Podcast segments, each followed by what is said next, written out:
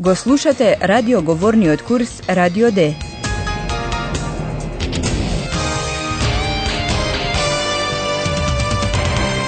Заеднички проект на Гете институтот и Радио Дојче Веле. Авторка е Херат Мезе.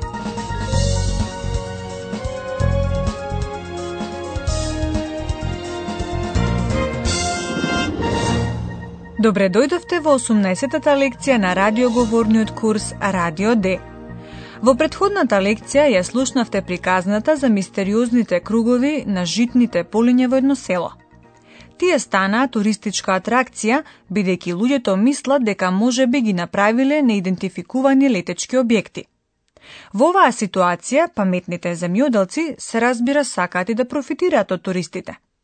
Нашите двајца уредници, Паула и Филип, го наблюдуваа земјоделецот кому му припаѓаат полињата, дифелда, на кои може да се видат круговите. Hallo, liebe Hörerinnen und Hörer. Willkommen. Bei Radio D.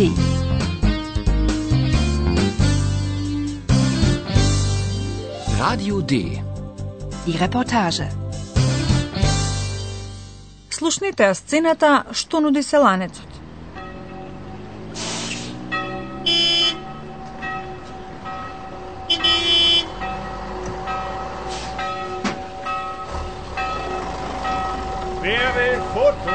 Fotos machen?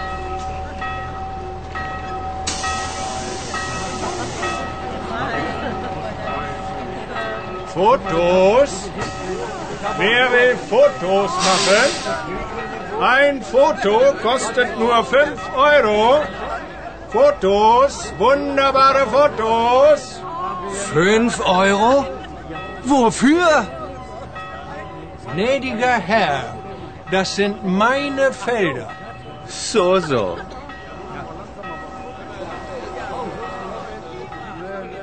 Најверојатно ги разбравте зборовите фото, фотографија и ојро, евро. Ein Foto kostet nur 5 Euro. Fotos, wunderbare Fotos. Па се разбира, кога ќе се слушна ова, веднаш се помислува дека селанецот сака да продава феркауфен фотографии. Но тоа е погрешно. Тој само им нуди на туристите да фотографираат. Селанецот вешто прашува, кој сака да фотографира? Fotos? Wer will Fotos machen?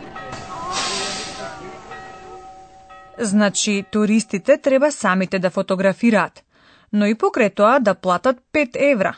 Тука се поставува прашањето зашто всушност. Fünf Euro? Wofür? Земјоделецот суверено одговара дека тоа биле негови полиња. Gnädiger Herr, das sind meine Felder. So, so. Но конечно, секој мора самиот да знае зашто ги дава парите. Компу, кажи ми, има ли нешто ново од Филип и Паула?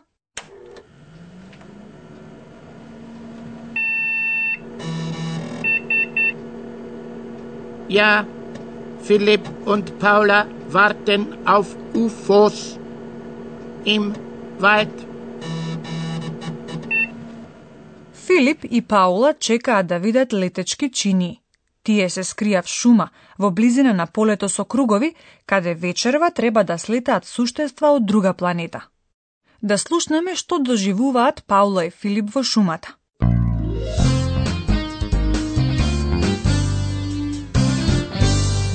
Radio D. Die Reportage. Можете ли да погодите како настанале мистериозните кругови?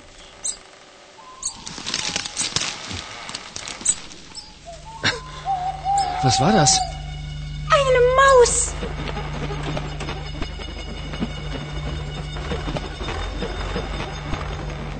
Psst.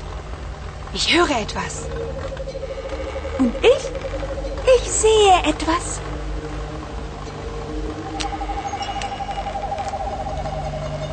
Und was, Eulalia? Zwei Männer und eine Maschine. Was machen die Männer? Krabbeln Kreise. Kreise?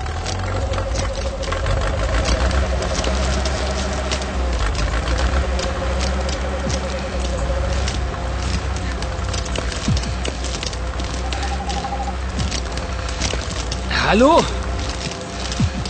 Ist da jemand?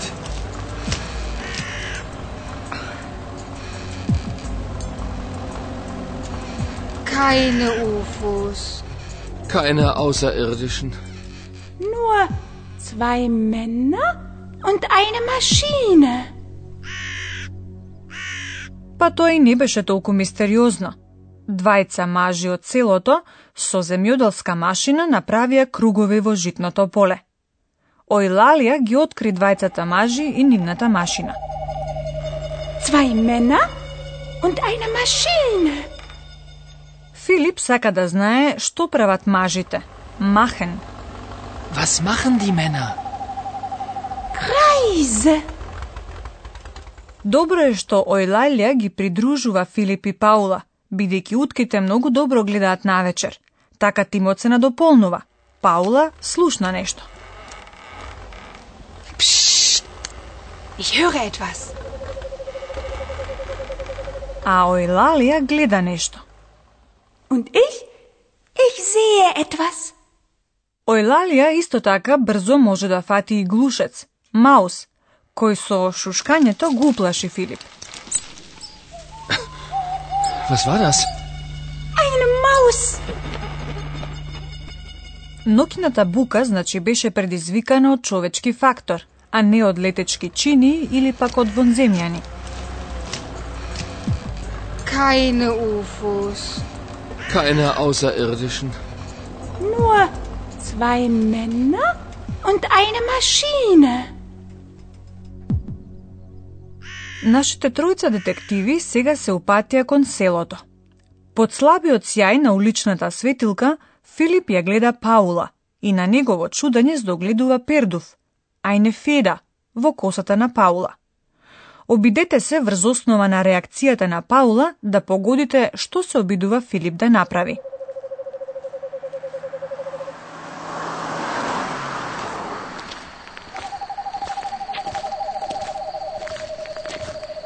Paula, du hast ja eine Feder.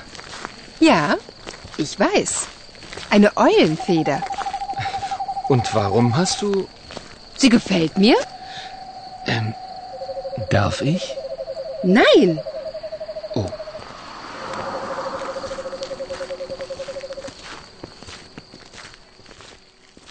Филип се обидува да го извлече пердувот од косата на Паула. Тој до душа прашува за дозвола. Смеам ли? Darf ich? И истовремено го фаќа пердувот. Паула реагира одбивно. Paula, du hast ja eine Feder. Да, Паула знае дека има пердув во косата, но таа самата си го стави пердувот од утката. Ојлен феда во незината коса. Ich weiß. Eine Eulenfeder. Филип се разбира сака да знае варум, зошто Паула го сторила тоа. Und warum hast du... Паула едноставно вели дека и се допаѓа пердувот. Sie gefällt mir? Драги слушатели, ја напуштаме темнината и со светли мисли се свртуваме кон нашиот професор. Und nun kommt wieder unser Professor. Radio D? Gespräch über Sprache. Земјоделците беа многу активни. Тие ги направија мистериозните кругови. Was machen die Männer?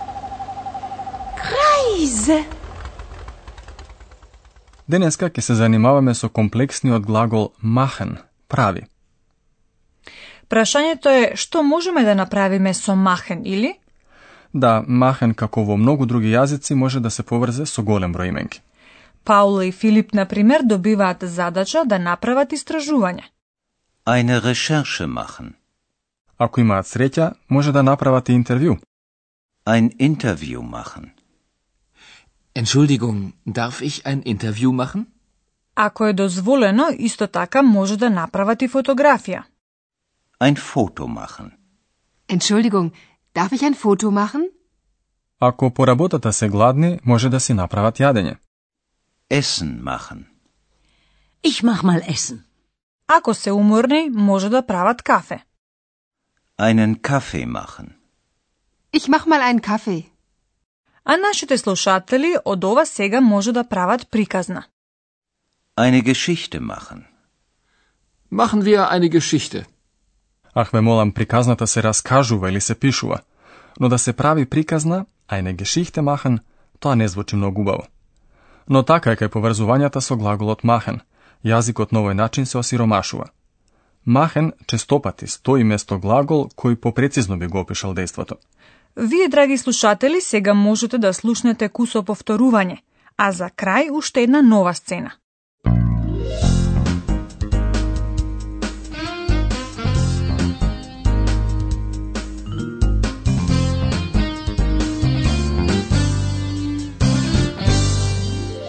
Земјоделецот им нуди на туристите да фотографираат.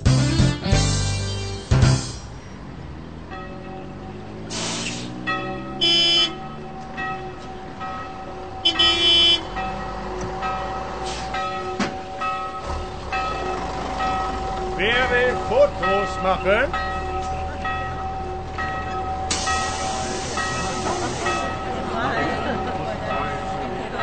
Fotos? Wer will Fotos machen? Ein Foto kostet nur 5 Euro. Fotos, wunderbare Fotos. Fünf Euro? Wofür? Gnädiger Herr, das sind meine Felder. So, so.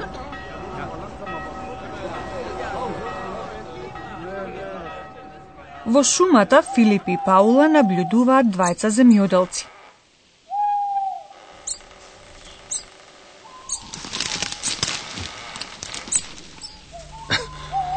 Was war das? Eine Maus.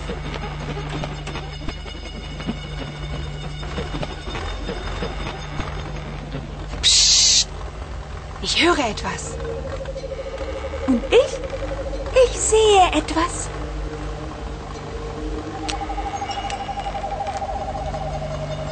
Und was, Eulalia? Zwei Männer und eine Maschine. Was machen die Männer?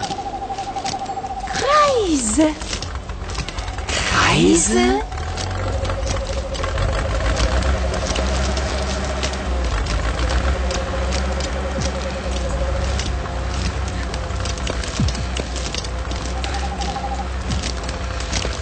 Hallo? Ist da jemand?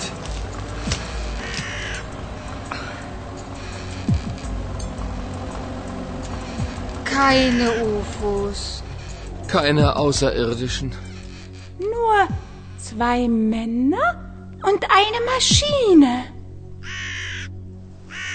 A toga se sluči ušte ova. Hm. UFOs. UFOs. Halt. Karl! Was sagst du? Es ist plötzlich so laut hier.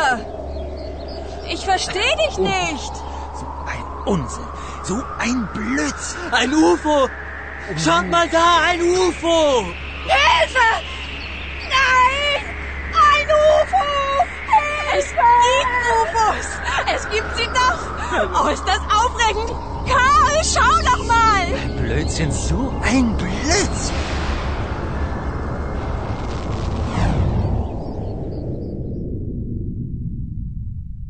Во наредната лекција слушнете ги реакциите на земјоделците на она што се случило во нивното село.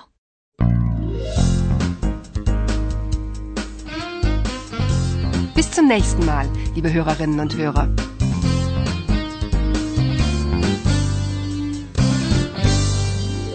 Го слушавте Радио Д, курсот по германски на Гете институтот и Радио Дојче Веле. Und tschüss.